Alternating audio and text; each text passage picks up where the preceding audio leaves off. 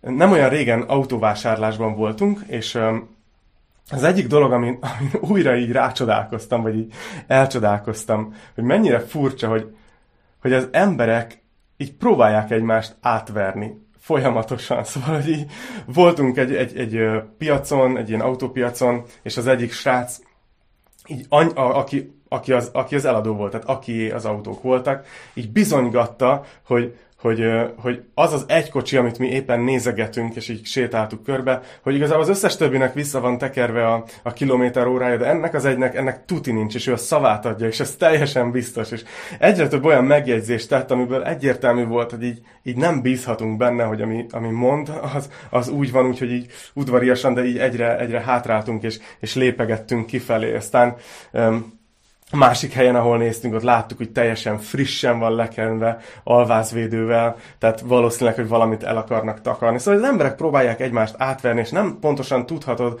hogy mi az, ami, amit kapsz, mi az, amire számíthatsz. De más témában is előjön ugyanez a dolog. Mostanában nem tudom, hogy észrevettétek-e, hogyha próbáltok az interneten venni valamilyen terméket, akkor nagyon sok helyen így bizonygatják, meg ilyen logókat raknak a képek mellé, hogy ez biztos, hogy az eredeti termék. És, és nem véletlenül teszik ez, mert rengeteg, rengeteg hamis termék, hamisítvány van a, van a piacon. De amiért erről beszélek, az nyilván nem azért, hogy okosabban tudjatok vásárolni az interneten, hanem azért, mert mert ez a lelki dolgokban is megjelenik. Megjelenik az emberi kapcsolatokban is, az emberismeret az nagyon fontos, mert, mert sajnos emberek között sem tudjuk mindig, hogy, hogy minek higgyünk, és mit feltételezünk egy emberről, az mennyire igaz, de hogy lelki dolgokban is igaz ez, hogy sokszor nem tudjuk, hogy mennyire bízhatunk meg mondjuk, amikor valaki ajánl egy megoldást az életünkre, vagy valamilyen világképet, hogy mennyire bízhatunk ebben, hogy ez, hogy ez az eredeti, hogy ez az igazi. És a jelenések könyvében következő mai rész az erről fog szólni. Ugye a jelenések könyvét tanulmányozzuk fejezetről fejezetre most már most már hónapok óta, és ugye a jelenések könyve az a jövőről szól. Arról beszél, hogy ez a jelenlegi korszak, amiben vagyunk. A gyülekezet korszaka, a kegyelemnek ez a korszaka. Ez véget fog érni egy ponton. És utána egy hét éves időszak következik, amikor Isten fokozatosan kiönti az ítéletét erre a, erre a világra. És ez nem lesz egy szép időszak, de, de ennek, ennek az egyik legfontosabb része az lesz, hogy egyre nagyobb teret fog kapni az ellenség. Tudom, hogy ez kicsit ilyen 18-as karikás, meg, meg nem szeretünk erről beszélni, de az a helyzet, hogy a Biblia egyértelműen beszél arról, hogy nem csak Isten van, hanem van az ellensége is. És, és ő, ő ebben az időszakban egyre inkább ki fogja mutatni a foga fehérjét, és kiderül róla, hogy valójában kicsoda. Hogy a logó mögött, hogy ő, ő eredeti dolgokat kínál, mi van igazából, hogy mi az a, mi az a dolog. És ugye nem szeretünk a sátáról beszélni, nem szeretünk az ellenségről beszélni, de ezek a magyarázó fejezetek itt a jelenések könyvének a, a közepén, ezek beszélnek róla. És azért, hogy hogy mögé lássunk, hogy ő kicsoda valójában, és, és ne, hogy miben mesterkedik, hogy ne, ne lehessen minket annyira könnyen behúzni a, a csőbe, hogyha értitek ezt. Úgyhogy, úgyhogy gondoljatok így erre a mai fejezetre is, hogy, hogy meg fogunk érteni dolgokat, összefüggéseket, amik utána segíteni fognak nektek a hétköznapi életetekben, hogy ne lehessen olyan könnyen átverni titeket lelkitéren. Az előző fejezet, amit tanulmányoztunk, ugye a 12. fejezetben azt láttuk, egy ilyen profétikus képet, egy ilyen magyarázó képet, hogy a sárkány, vagyis a sátán hogyan próbálta az egész emberi történelem során megakadályozni Isten tervét. Mert az a nagyon érdekes dolog, dolgot látjuk a Bibliában, hogy már az első fejezetekben, amikor az ember elbukik, Isten már ott megígéri a megoldást, a megváltást. Már ott azt mondja ugye a kígyónak, hogy majd egy nap eljön az asszony magva, aki rátapos a fejedre. És um, azt látjuk a történelem során, hogy ez a kígyó, vagy itt a jelenések könyve sárkányként beszél róla, az egész történelem folyamán különböző módszerekkel, de próbálta megakadályozni Isten munkáját. Ezt pontosan, hogy a megváltás eljöjjön. És ezért Izrael népe mindig vörös posztó volt a szemében, mert ugye ő nekik az volt az elhívásuk, hogy rajtuk keresztül jön majd el a megváltó. Úgyhogy, úgyhogy láttuk ezt, hogy próbáltam megakadályozni ezt, először a nép kialakulását, aztán az, hogy Jézus megszülessen, aztán amikor megszületett, akkor ott volt ugye ez a gyerekmészárlás, amivel, amit Heródes kihirdetett, de ez mögött mind ugyanez a küzdelem áll, hogy a sátán az egész történelemben próbálta megakadályozni Isten munkáját. És ez a mai napig tart, és küzd, mint, hát ahogy, ahogy egy kedves érsekcsanádi ismerősöm mondta, küzd, mint malac a jégen, nem túl szép látvány, de ezt, né- ezt látjuk a történelemben végig. És ebben a fejezetben, a 13. fejezetben egy újabb leleplezést látunk az ő módszeréről, hogy hogyan dolgozik, az ő gondolkozás módjáról. Úgyhogy újabb két szereplő fog felbukkani a sárkány mellett, úgyhogy olvasom, és utána kicsit magyarázom, és legvégül oda ki fogom hozni, hogy mit, mit segít ez nekünk ma a mi életünkben. Úgyhogy ha ott van a Biblia a kezetekben, akkor a jelenések 13-at keresétek meg, legyetek szívesek, és az első verstől kezdem is az olvasást, és egészen a negyedik versig fogom először olvasni. És láttam, hogy a tengerből feljön egy fenevad. Tíz szarva és hét feje volt. Szarvain tíz korona, és a fejein istenkáromló nevek. Ez a fenevad, amelyet láttam, párduchoz hasonlított. Lába, mint a medvéjé, szája, mint az oroszláni. A sárkány átadta neki erejét, trónját és nagy hatalmát. Láttam azt is, hogy az egyik feje szinte halálosan megsérült, megsebesült, de halálos sebe meggyógyult. Az egész föld csodálta a fenevadat. Imádták a sárkányt, mivel átadta a hatalmat a fenevadnak, és imádták a fenevadat is, és így szóltak, ki hasonló a fenevadhoz, és ki tudna vele harcra kelni. Hát ez sem lesz egy könnyű rész. Ahogy, ahogy látjátok, mint ahogy a jelenések könyvében általában megszoktuk. Ugye nagyon, nagyon szokatlan képek ezek. Itt arról beszél János, aki írja le ezt a látomást, hogy azt látta, hogy a földből feljön egy fene, bocsánat, a tengerből feljön egy, egy fenevad. Úgyhogy egy kicsit nézzük meg ezeket a képeket, amit itt ír, hogy mit, mit is jelentenek ezek. Ugye egyrészt azt mondja, hogy följött a tengerből. Az izraeli irodalomban, az, az ószövetségi irodalomban a tenger az legtöbbször a nemzeteket, a népeket jelképezi. Tehát itt egy szereplőt látunk a sátán mellett, aki, aki, aki a népek közül származik. És utána látjuk azt, hogy ez, a, ez, az, ez az illető, ez a személy, ez nem a sátán. Tehát ő nem a sárkány. De nagyon sok hasonlóság van, tehát hasonlít rá. Ott van, hogy tíz szarva van, ami ugye a hatal, hatalom jelképe, hogy hét fej, ugye ez az intelligenciának a jelképe. És, és azt is látjuk, hogy, hogy honnan van az ereje, a pozíciója és a hatalma ennek a szereplőnek itt ebben az utolsó időben. A sátántól. Tehát konkrétan a sárkánytól kapja az erejét, a trónját és a hatalmát. És ez, ez a, akiről itt szó van, ez a fenevad, ez egy személy, aki a nagy nyomorúság idején a sátánt képviselve uralkodik majd a földön. És láttuk már őt a jelenések más fejezeteiben, ez az Antikrisztus, de a Biblia nagyon sok néven nevezi őt. De álljunk meg egy kicsit ennél a gondolatnál, amikor azt, azt írja, hogy, hogy a sátántól kapta az erejét, a pozícióját és a hatalmát. Nem, nem ismerős ez valahonnan? Én azt gondolom, hogy amit itt látunk, az nem más, mint hogy a sátán leutánozza azt a kapcsolatot, ami, ami a másik oldalon, az Atya és Jézus között van. Hogy megpróbál ugye ő ilyen, a, sátán egész világtörténelem során megpróbált Istent játszani, és mint hogyha azt látnánk, hogy itt leutánozza még azt a kapcsolatot is, ami az Atya és a Fiú között, az Atya és Jézus között volt. És ugye Jézus például ezt mondta magáról, amikor beszélt a Máté 11.27-ben, hogy az én atyám mindent átadott nekem.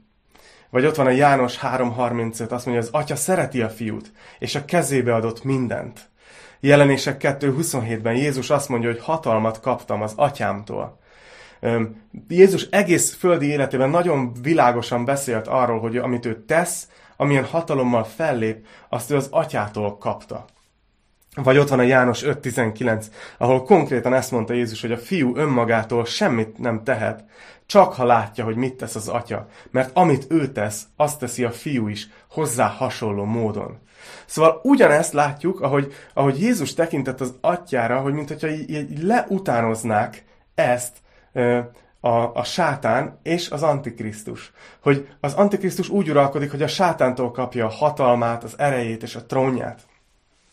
Az antikrisztusról tudjuk, hogy ő jól fogja kezdeni, ő a béke emberének fog tűnni először. Tehát amikor kimondjuk, hogy antikrisztus az egy ilyen ijesztő szó, lehet, hogy páraknak így filmek alapján, nem tudom, ilyen, ilyen tűzvörös bőr, és ilyen tűzben forgó szemek jelennek meg, és ott szarvai vannak, és irányítja a földet, de ha így néz neki valaki, akkor nem tudna az egész föld fölött uralomra szerteni. Tehát valószínűleg egy nagyon karizmatikus, egy nagyon szerethető figura lesz, akit szívesen követnek a népek. És az is nagyon érdekes, hogy, hogy ez az Antikrisztus név, ez mit akar. Az Antikrisztus azt jelenti egyrészt, hogy Krisztus ellen. Krisztus ellenében dolgozik. De van egy másik jelentése is, és ez az, hogy Krisztus helyett. Az Antikrisztus az nem más lesz, mint egy álmessiás, egy hamisítvány Krisztus. Ugye beszéltem a bevezetőkben ezekről a hamis termékekről, hogy mennyire elterjedtek. Egyébként érdekes, Kínában azt hiszem, hogy hogy néhány évvel ezelőtt jött az a hír, hogy 22 olyan Apple boltot zártak be, amiről kiderült, hogy, hogy, hogy teljesen hamisítvány volt még az üzlet is. De teljesen úgy nézett ki, mint egy igazi Apple Store. Tehát, hogy még a, az asztalok mérete is, a kihelyezett termékek, minden megszólalásig olyan volt, mint az Apple termékek. De az egész bolt kamu volt, úgy, ahogy volt. Tehát aki oda bement és vett egy iPhone-t, az igazából nem iPhone-t vett. Vagy emlékszem, ezt ki is írtam tegnap a Facebookra, amikor mentünk Erdélybe osztálykirándulni, és néztük, hogy ezen a piacon milyen márkás cipőket lehet olcsón kapni, és azt hiszem, hogy én is vettem egy Puma cipőt, és utána a buszon hazafelé néztem, hogy várjál, ez Piuna. az volt ráírva. De hogy tegnap beírtam a Google-be, hogy így hamis termékek, és majd nézzétek meg, rengeteg van, az összes márkanevet módosítják, és így kiadnak. És ezek a hamis termékek, ezek a világkereskedelemnek a 3,3%-át teszik ki konkrétan. Szóval nem egy kis iparágról beszélünk. És amit itt látunk az Antikrisztus esetében, az az, hogy ő egy ilyen hamisítvány Krisztus. Ő egy, ő nem az igazi. Hasonló dolgokat ígér. Hasonló dolgokat mond eleinte. De ő egy hamisítvány. Ő nem az igazi. És azt, azt olvassuk róla itt, hogy az egész föld csodálja a fenevadat, és részben azért, mert még egy ilyen hamisítvány feltámadást is bevet, hogy szerez egy halálos sebet, és utána meggyógyul csodálatos módon, és az egész világ így le van nyűgözve. Pedig a karaktere az egyértelmű, amit itt ír, hogy Isten káromlás az ő természete, ő Isten ellen van. Na nézzük tovább, mit tudunk még meg róla. Ötödik vers. És adatot neki nagyokat mondó és Isten káromló száj, és adatot neki hatalom a cselekvésre 42 hónapon át, és megnyitotta a száját káromlásra Isten ellen, hogy káromolja az ő nevét és sátorát, azokat, akik a mennyben laknak. Megadatott neki, hogy hadat indítson a szentek ellen, és legyőzze őket. Megadatott neki a hatalom minden törzs és nép, minden nyelv és nemzet felett, hogy imádja őt mindenki, aki a földön lakik, akinek nincs beírva a neve a megöletett bárány életkönyvébe a világ kezdete óta. Ha valakinek van füle, hallja. Ha valakire fogság vár, fogságra jut. Ha valakinek kardáltal kell meghalnia, kardáltal hal meg. Itt van szükség a szentek álhatatosságára és hitére. Szóval mit látunk itt az Antikrisztus uralkodásával kapcsolatban? Ugye látjuk egyrészt azt, hogy, hogy az ő jelleme az egy ilyen nagyzolás, hogy azt mondja, hogy nagyokat mondó száj, és Isten káromló száj adatot neki. Szóval egy ilyen, ő egy ilyen nagyon jó beszélőkével, de határozottan Isten ellen beszél. Aztán látjuk azt, hogy hadat indít a szentek ellen, és, és legyőzi őket. Aztán látjuk azt, hogy, hogy globális a hatalma. Szóval, hogy ugyanazokat a verseket, amit olvastunk, hogy majd Krisztus előtt minden nép leborul, itt olvassuk vele kapcsolatban, hogy ebben az időszakban minden nép, törzs, nemzet imádja a fenevadat. Ez elég durva. És a következő dolog, hogy, hogy látjuk, hogy ez az egésznek van egy nagyon komoly vallási vetülete. Tehát ez nem csak egy politikai és gazdasági rendszer lesz, hanem van egy vallási vetülete is. És lehet, hogy fölmerül bennetek, ahogy olvassuk ezt a verseket, hogy ezt miért engedi meg Isten? Hogy így miért van ekkora tere? Tehát, hogy mi, hogy, hogy, hogy semmi nem áll az útjába. És azért van ez, mert ahogy látjátok, a, a, a nagy nyomorúság idején Isten leveszi a védő kezét. Fokozatosan, de egyre inkább leveszi a védő kezét a földről. És szinte azt mondja az embereknek, hogy ezt akartátok, Isten nélkül akartatok élni, akkor most kóstoljatok bele, hogy ez milyen. És ezért ebben az időben azt írja, hogy, hogy ha valaki fogságra jut, fogságra vár, akkor fogságra jut. Itt már nem lesz nagy menekülés. De mégis vannak bátorító dolgok. Az egyik az az, hogy azt látjuk, hogy még mindig sokan megtérnek. Tehát, hogy nagyon sokan mártírhalált fognak halni, de itt olvassuk, hogy ott vannak a szentek. És igaz, hogy mártírhalált fognak halni, de jó tudni, hogy ebben az időszakban is lesznek emberek, akik megtérnek Istenhez. És nagyon jó tudni azt is, hogy, hogy ez, bár Isten megengedi ezt az időszakot, de ez nem a vége a történetnek. Ez egy ideig tart, és Isten határozza meg az elejét is, és a végét is. És nem, nem korlátlanul tehet azt az ellenség, amit akar. Szóval mielőtt folytatjuk, csak egy kis gondolat. Azt látjuk itt a jelenések könyvében, hogy, hogy végleg két részre osztódik az emberiség. Azokra, akik Istent imádják, és azokra, akik a sátánt imádják. És ez ma is megvan ez a kettősség az emberiségen belül, csak sokkal kevésbé kiélezett. És lehet, hogy most így föl is fontátok a szemöldököteket, hogy ezért annyira sok embert nem látunk, aki így a, aki így a sátánt imádná. Tehát, hogy miről beszélsz? Nem egy ilyen kicsit ilyen vallási, fanatikus gondolat ez, de, de, de figyeljétek meg, hogy, hogy valójában, valójában ez van. Jézus azt mondja a példázatát, példázatában, ugye mond egy példázatot arról, hogy, hogy egy ember búzát vet. És utána jön az ellenség, és konkolt, tehát gyomot vet a búza közé. És amikor elkezdenek nőni, akkor hasonlóak, de amikor kezdenek beérni, akkor kiderül, hogy, ez, hogy tele van konkolyjal a búzamező. És kérdezik a, a szolgái, egyébként Máté 13-ban van, hogyha valaki szeretné megkeresni. Kérdezik a szolgái, hogy, hogy, hogy ez hogy lett? Tehát te búzát vetettél, nem? És azt mondja, igen, de az ellenség is, az ellenségem tette ezt. És megkérdezik a szolgák, hogy akkor kiszedjük a konkolyt a búza közül. És ugye azt mondja, hogy ne. Nehogy véletlenül a búzát is kiráncsátok vele együtt, hanem majd az aratáskor, majd az ítéletkor ez kiderül. Szóval az a helyzet, hogy, hogy, hogy, hogy míg ma még ez sokkal szoftosabban működik, de az ember az mindig is egy imádó lény volt. Egy, egy kicsit olyanok vagyunk, mint, mint, mint egy autó, ami nem tud menni üzemanyag nélkül. És, és tudod, lehet, hogy menőzhetünk, hogy, hogy mi, nem, mi teljesen függetlenük vagyunk, mi teljesen szabadok vagyunk, mi nem imádunk senkit, de az a helyzet, hogy vagy Istent imádjuk, vagy gyakorlatilag imádjuk a saját kívánságainkat, vagy, vagy a, az ambícióinkat, és ez mind-mind az ellenségnek a területe. És ezért van az, hogy, hogy a legvégén már nagyon egyértelmű lesz ez a választóvonal az emberek között. No, emlékeztek, hogy azt mondtam, hogy a sátán és az antikrisztus az atya és a fiú közötti kapcsolatot imitálják? Innentől kezdve már nem annyira nehéz kitalálni, hogy mi lesz a szerepe a harmadik szereplőnek, akit itt látunk ebben a fejezetben. Nézzük a 11. verstől. És láttam, hogy a földből feljön egy másik fenevad. Két szarva volt, mint a báránynak de úgy beszélt, mint a sárkány. Ez gyakorolja az első fenevad teljes hatalmát annak színe előtt, és rábírja a földet és lakóit, hogy imádják az első fenevadat, amelynek meggyógyult a halálos sebe. Amit, amit itt látunk, hogy ezek szerint van a sárkány, és van két fenevad. És ahogy mondtam, a sárkány az ugye a sátán, a fenevad az antikrisztus, és itt van egy harmadik személy, egy újabb fenevad, és ők, mintha egy az egyben a Szent Háromságot mintáznák le. A Bibliában a Szent Háromságnak a tanítása az az egyik legizgalmasabb és leggyönyörűbb téma. És lehet, hogy egy kicsit úgy is vagy vele, hogy hú, hú itt az, ahol bonyolult kezd lenni, és így puf, felrobban az ember agya, amikor elkezd belegondolni, hogy, hogy három személy, de egy Isten van. De mégis ezt tanítja a Biblia, hogy, hogy van az Atya, van a Fiú, és van a Szentlélek. És ők valahogy kölcsönös szeretettel, tisztelettel, egymás iránti odaadással, szolgálattal, egymás előtt, egy, egymást maguknak alárend, rendelve, magukat egymásnak, és így egy ilyen gyönyörű tánc a Szent Háromság. Istenem belül egy szeretet tánc van nem teljesen értjük, hogy hogy történik ez, de ez gyönyörű dolog. Ha teljesen értenénk, akkor Isten lehet, hogy kisebb lenne, mint a mi mentális képességünk. Nem teljesen értjük. De azt látjuk itt az utolsó időben, hogy a sátán ezt egy egyben lemintázza. És ugyanúgy, ahogy van Atya, Fiú, Szentlélek, ugyanúgy maga mellé hoz egy antikrisztust, és hoz egy hamis profétát, akinek nagyon hasonló lesz a szerepe, mint a Szentléleknek egyébként Isten oldalán. Úgyhogy szeretném megmutatni nektek ezt a párhuzamot Az egyik az, hogy nézzétek, azt mondja, hogy, hogy két szarva van. Tehát nem, nem hét, meg tíz, mint az előzőnél, hanem, hanem itt csak két szarv. Tehát kevésbé látványos a megjelenése ennek a személynek.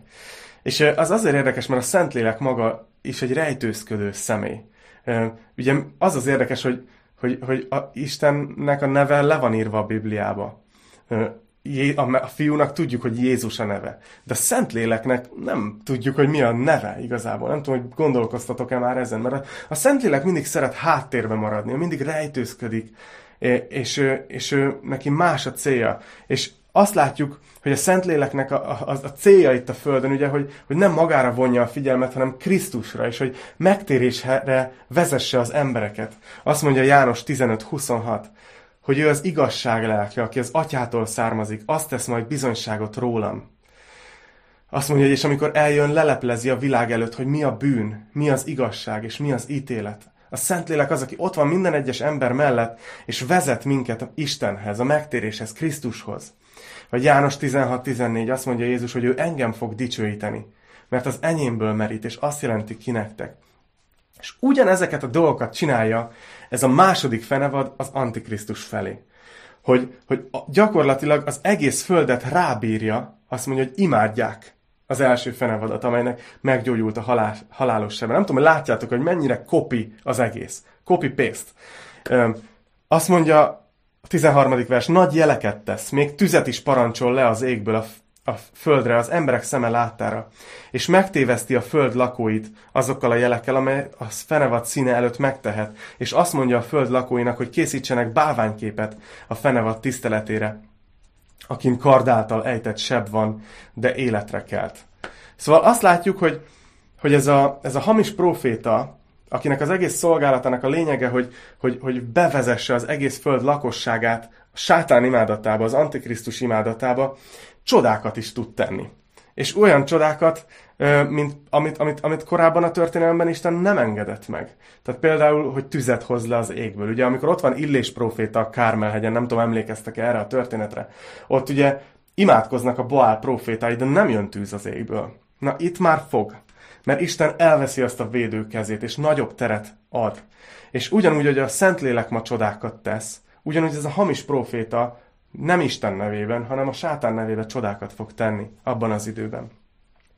15. vers azt mondja, hogy megadatott neki, hogy lelket leheljen a fenevad képmásába. Hogy megszólaljon a fenevad képmása. És hogy akik nem imádják a fenevad képmását, azokat mind megölesse. Szóval azt látjuk, hogy, hogy létrejön egy ilyen fenevad képe. Nem, nem pontosan tudjuk, hogy ez mi lesz az a fenevad képmása le, többen arra gondolnak, hogy ez egy szobor lesz, és hogy talán ott fog állni a templomban, ahol, ahova először az Antikrisztus beül, de utána átveszi a helyét ez a szobor. Sokan azt gondolják, hogy ez lesz az a pusztító utálatosság, amiről Dániel proféta beszél. De a lényeg az, hogy, hogy, hogy életet lehel belé, ugyanúgy, hogy a Szentlélek életet lehel belénk, és, és meg fog szólalni a fenevad képmása. Nagyon ijesztő, meg bizarr az egész. De még, még folytatódik, azt mondja a 16. vers, és megadatott neki, hogy mindenkit, kicsiket és nagyokat, gazdagokat és szegényeket, szabadokat és szolgákat, jobb kezükön vagy homlokukon bélyeggel jelöltessen meg, és hogy senki se vehessen vagy adhasson el semmit, csak az, akin bélyekként rajta van a fenevad neve, vagy nevének a száma. Itt van szükség a bölcsességre. Akinek van értelme, számítsa ki a fenevad számát, mert egy embernek a száma az, az ő száma pedig 666. Szóval azt látjuk itt végül erről a hamis profétáról, hogy, hogy elpecsételi az embereket, megjelöli a föld lakosságát, azt mondja, hogy jobb kezükön vagy a homlokukon egy bélyeggel. És ez azért nagyon érdekes, mert ezt is hallottuk már. Ez sem egy eredeti ötlet. Ugye látjuk azt, hogy, hogy a jelenések hétben, amikor Isten elkezdi ezt az utolsó nagy evangelizációs kampányt, hogy kiküldi a 144 ezret az egész világra, azt a 144 ezer fiatal zsidó misszionáriust, akkor elpecsételi őket. De nem csak őket pecsételi el Isten, hanem nem tudom, hogy tudod-e, hogy ha hiszel Krisztusban, Isten téged is elpecsételt. A pecsét ugye az azt jelenti, hogy kinek a tulajdonában vagy, hogy kié vagy.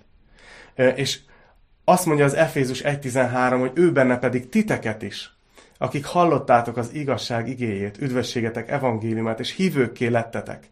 eljegyzett pecsétjével, a megígért Szentlélekkel. Hogy maga a Szentlélek az egy pecsét a mi életünkön. Hogy mi Istené vagyunk. El vagyunk pecsételve. És azt látjuk, hogy ebben az utolsó időben, ebben a 7 éves időszakban a sátán ugyanezt fogja csinálni. Hogy elpecsételi az embereket. Hogy egyértelmű legyen, hogy ki az, aki hozzá tartozik. És szeretnék néhány szót mondani arról, amit arról a korról tudunk. Ugye azt látjuk, hogy az antikrisztus rendszerét az teljesen a sátán ereje, hatalma mozgatja. De az egész az úgy kezdődik, az egész hét év úgy fog kezdődni, hogy béke van, szabadság van, biztonság van. És van egy vezetőnk, aki még a, még a különböző népek között is békeszövetséget tudott kötni, szóval minden rendben. Hawaii ilyen jó még sosem volt az emberiségnek. Így kezdődik ez az időszak.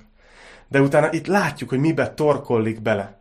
Egy olyan totális kontrollba, amiben szó szerint még vásárolni se tudnak azok, akik nem hódolnak be az Antikrisztusnak. Szóval nagyon, nagyon ö, kimutatja a foga fehérét. Itt van az, amiről beszéltem az elején, hogy megmutatja, hogy ő milyen igazából.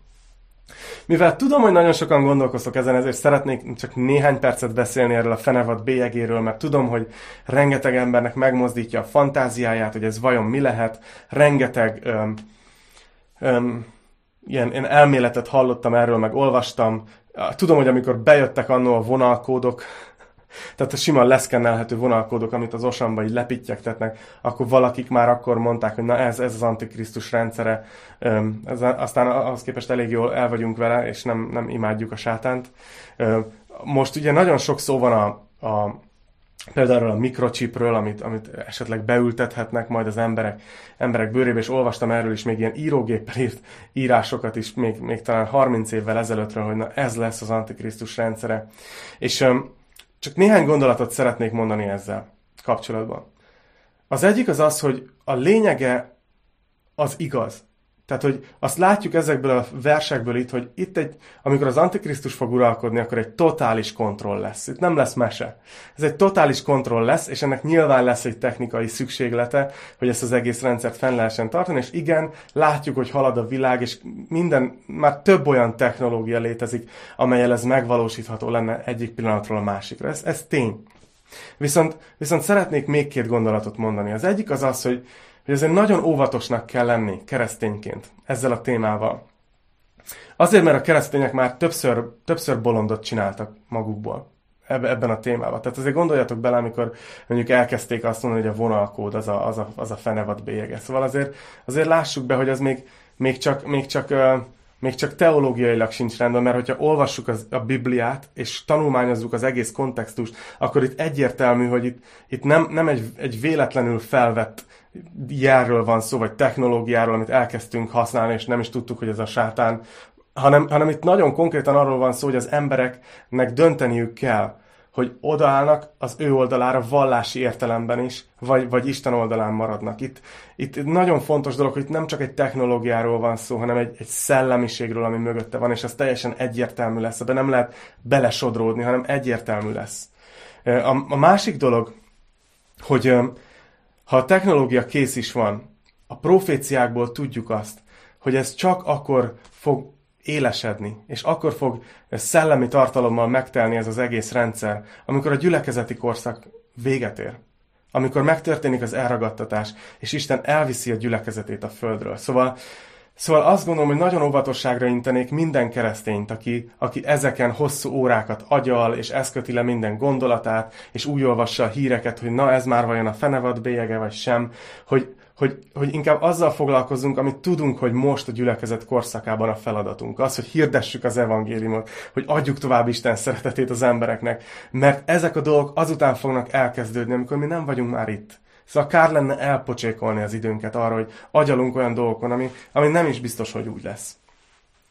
És annál is inkább, mert azt látom, hogy tényleg egy jó hírünk van nekünk. Amit itt látunk, az az, hogy a sátán rendszerében a szabadság az csak egy marketing. Az csak egy duma. Ugye ugyanaz a dolog van itt a, az utolsó könyvében a Bibliának, mint az elsőben, amikor az a, az a kígyó megkísértette Ádámot és Évát. Hogy gyakorlatilag azt ajánlotta föl nekik, hogy legyetek szabadok Istentől. Isten az csak egy korlát. Legyetek szabadok, vegyétek a saját kezetekbe az életetek irányítását, és, és hozzatok ti döntést azokról a dolgokról, amit, amit szeretnétek. És, és itt látnotok kell azt, hogy, hogy nem változott a, a, a dolog, hogy ez, a, ez a, az ígéret ott is csak totális kontrollba fulladt. Hogy a bűn elhatalmasodott az emberen, és, és teljesen leigázta. És ö, sokszor úgy tűnik, és azt látom, hogy ez ma is ott van nagyon, hogy ö, hogy mint hogyha Isten nélkül az élet az nagyobb szabadságot adna. És lehet, hogy nézitek ezt fiatalok, lehet, hogy ott vagytok, és, és előttetek az élet, és foglalkoztatnak a párkapcsolatok, foglalkoztatnak, mennyi mindent kezdhetnétek az életetekkel, és megnézitek esetleg a szüleitek életét, vagy a keresztények életét, és így elgondolkoztok, hogy ez biztos kell nekem, vagy, vagy hát azért úgy tűnik, hogy szabadabb élet lenne, hogyha, hogyha így nem kéne tartanom magam semmihez. De én nagyon sokakkal beszéltem akik benne voltak ebben, akik még meg is hozták ezt a döntést, hogy, hogy oké, okay, hátat fordítanak Istennek, és kipróbálják azt a szabadságot, amit így ajánl a világ. És, és arról tesznek bizonyságot, hogy olyan rabságba kerültek így évek alatt, hogy alig-alig tudtak kikecmeregni. Éppen a héten is valakivel beszéltem, aki erről ezt mesélte el az életét, és bizonyságot tette erről, és azt mondta, hogy csak Isten erejének tulajdonítja azt, hogy ki tudott belőle jönni. Mert a szabadság az csak egy marketing szöveg a sátán rendszerében. Isten rendszere viszont valódi szabadság. Gondoljatok csak bele ebbe az egy és nem leszek nagyon filozófikus. De nem furcsa az, hogy még, még maga az ateizmus is, vagy a világ, tehát a szekularizmus, vagy a világiasság, az csak a keresztény alapértékekkel rendelkező országokba tudott igazán kialakulni, és aztán innen lett exportálva más helyekre. Azért, mert, mert, mert a mi küldetésünk az valóban az, hogy szabaddá tegyük az embereket. És annak része az is, hogy szabad akarata van az embereknek, szabad döntésük, még arra is, hogy Isten nélkül éljenek, hogyha ezt, ezt a döntést hozzák. De ennél fontosabb, hogy a mi küldetésünk tényleg az, hogy az emberek felszabaduljanak. És ma is megy már ez az antikrisztusi lelkület, és itt közeledek a, a, az üzenetem végéhez. Mint ahogy követtétek a Bibliában, látjátok, hogy véget is értünk a, a fejezetben. De szeretnék erről kicsit beszélni. János Apostol 2000 éve azt mondja az 1 János 2.18-ban, hogy, hogy már sok antikrisztus van. Arról beszél János, hogy, hogy ez a levegőben van már ez a gondolat. Már ma is annyira sok hamisítvány Krisztus van, annyira sok gondolat arról, hogy hogy találhatod meg az igazi szabadságodat, az igazi megmenekülésedet abból az állapotból, amivel nem vagy elégedett. És a világ rengeteg ilyen hamisítvány szabadságot ígér. A lényege a, a, annak a szabadságnak az a korlátok nélküliség. Gyakorlatilag azt gondolják az emberek, hogy az az igazi szabadság, hogyha nincsenek korlátok. Igaz? Ha csak te dönthetsz az életedről. És eszembe jut például a Sziget Fesztiválnak a, a szlogenje, ami nagyon jól működik, mert pont ezt a gondolatot zseniálisan elkapja, aminek hogy azt mondják, hogy, hogy ez a szabadság szigete. És azt fejezik ki ezzel, hogy na itt nincsenek erkölcsi korlátok, itt nincsen semmi, itt nem is otthon vagy, itt ez egy teljesen más világ, és itt igazán teljesen szabad lehetsz. Volt erre egy nagyon jó hasonlata az egyik tanítónak, akit követek, Tim Kellernek hívják, és ő azt mondta, hogy, hogy ez egy kicsit olyan, mint hogyha egy hal azt mondaná, hogy nekem túl nagy korlát ez a, ez a víz. Én, én, nekem oxigénre van szükségem, de ki mondja meg nekem, hogy én csak a vízből szerezhetem be az oxigént, tehát a levegőbe is van oxigén. És ezért, és ezért kimegy a partra, és ott él. És belátható a következménye, hogy nem arra lett építve, ugye, hogy a levegőből szerezze az oxigént, hanem a víz, víz a halnak az nem egy korlát, hanem, hanem igazából egy szabadság, mert abban tudja megélni azt a szabadságot, amire teremtve lett. És, és ugyanígy vagyunk mi is emberek, hogy, hogy a sátán próbálja úgy beállítani, hogy, hogy a szabadság az a korlátok nélküliség, és Isten is egy korlát. És hogy tegyük ki az életünkből. Nem kell. De gyakorlatilag eb, ez kb. olyan, mint hogy a partra vetnének egy halat. És előbb-utóbb beláthatatlan következményei vannak egy ember életében, amikor megpróbál Isten nélkül élni. És ugyanakkor Isten is azt szeretné, hogy szabadok legyünk, és ezt nagyon fontos látni. Jézus azt mondja a tanítványainak, János 8.32, hogy megismeritek az igazságot, és az igazság szabaddá tesz titeket, megszabadít titeket. Nem azt mondja, hogy a korlátok nélküliség, hanem az igazság megszabadít titeket. Amikor megérted az igazságot arról, hogy te ki vagy, amikor megérted az igazságot arról, hogy Isten kicsoda, hogy ez a világ hogy lét, jött létre, és miért létezik, és mi a célja az életünknek, amikor megismered az igazságot, akkor felszabadulsz, és végre úgy élsz, hogy fellélegzel, és tudod élvezni az életet. Értitek ezt? Szóval egyáltalán nem a korlátok nélküliség, hanem éppen az, hogy, hogy az igazság az, ami szabaddá tesz minket. És egyébként ezért tanítjuk hétről hétre a Bibliát, versről versre, fejezetről fejezetre, mert azt szeretném, hogyha én is és ti is mindannyian teljesen megismernénk az igazságot, és nem ilyen nyomorult keresztények lennénk, akik így behúzott nyakkal próbáljuk valahogy kihúzni ezt a földi életet, hanem megélnénk azt az igazi szabadságot, amire teremtve lettünk, mert ez Isten akarata a mi életünkre. Hogy ne kössön minket a múltnak a láncai, hogy ne kössenek minket a függőségek láncai, ne kössenek minket az egymásnak való megfelelési kényszernek a láncai, ne kössenek minket az anyagi ö, ambícióinknak a láncai, ne kössenek minket ezek a dolgok, hogy bizonyítani akarunk, hogy, hogy uralkodni akarunk, hogy a testi vágyainknak a láncai, hanem hogy legyünk tényleg szabadok. És Istennek ez az akarata, és ez a vágya. És ezen dolgozik az életünkben hétről hétre. Napról napra. És azt mondja, még, még egy verset hagy olvassak fel, azt mondja János 8, 36. Ha tehát a fiú megszabadít titeket, akkor valóban szabadok lesztek.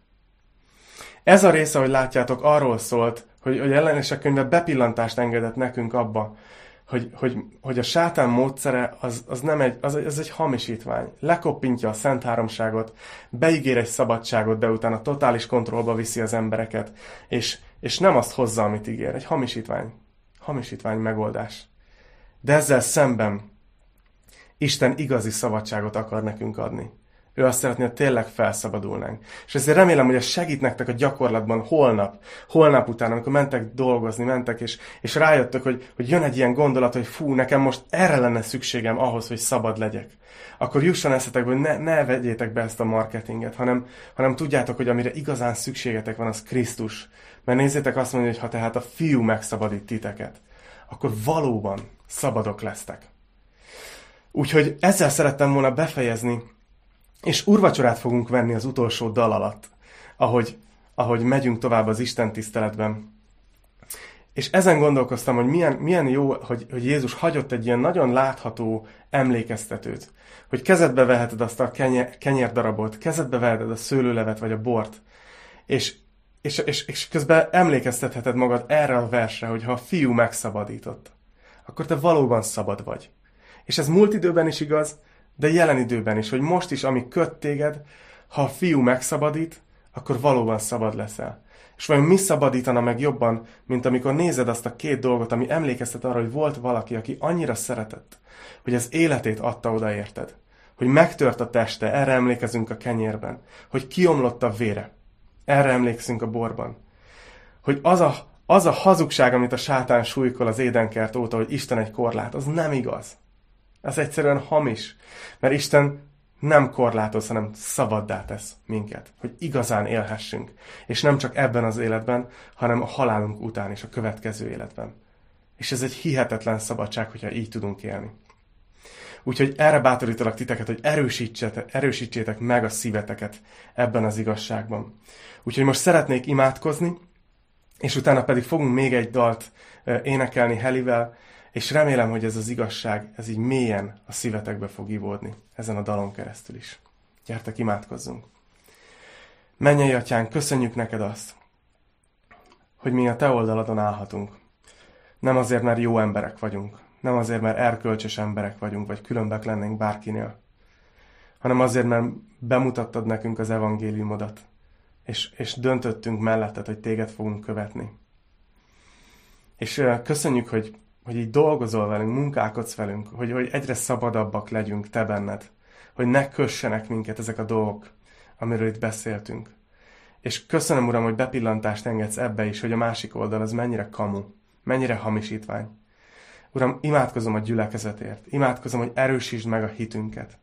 Imádkozom azért, hogy teljesek legyenek a szent lélekkel, hogy egyre jobban megismerjenek téged, Uram. Imádkozom azért, hogy lehessünk a te tanúid ebben a világban, akármit is hoz az élet. Imádkozom a családokért, hogy legyenek erősek. Imádkozom a, a fiatalokért, hogy kapjanak egy víziót, egy látást az életükre, hogy milyen izgalmas és teljes élet az, hogyha melletted maradnak teljes szívükkel, teljes hűséggel, és nem kacérkodnak a világgal. Uram, imádkozok mindenkiért, akihez csak eljut ez a tanítás, hogy te tölts be minket a te lelkeddel, és legyél velünk, ahogy járunk az életben. És most az úrvacsorában is erre szeretnénk emlékezni, hogy te mit tettél értünk, ami a legnagyobb bizonyítéka annak, hogy mennyire szeretsz minket, mennyire igazán szeretsz minket. Uram, segíts nekünk, hogy meg tudjuk élni ezt a szabadságot te benned. Úr Jézus, köszönjük, hogy ismerhetünk, köszönjük, hogy vagy nekünk, és köszönjük, amit tettél értünk. A te nevedben imádkozunk. Amen.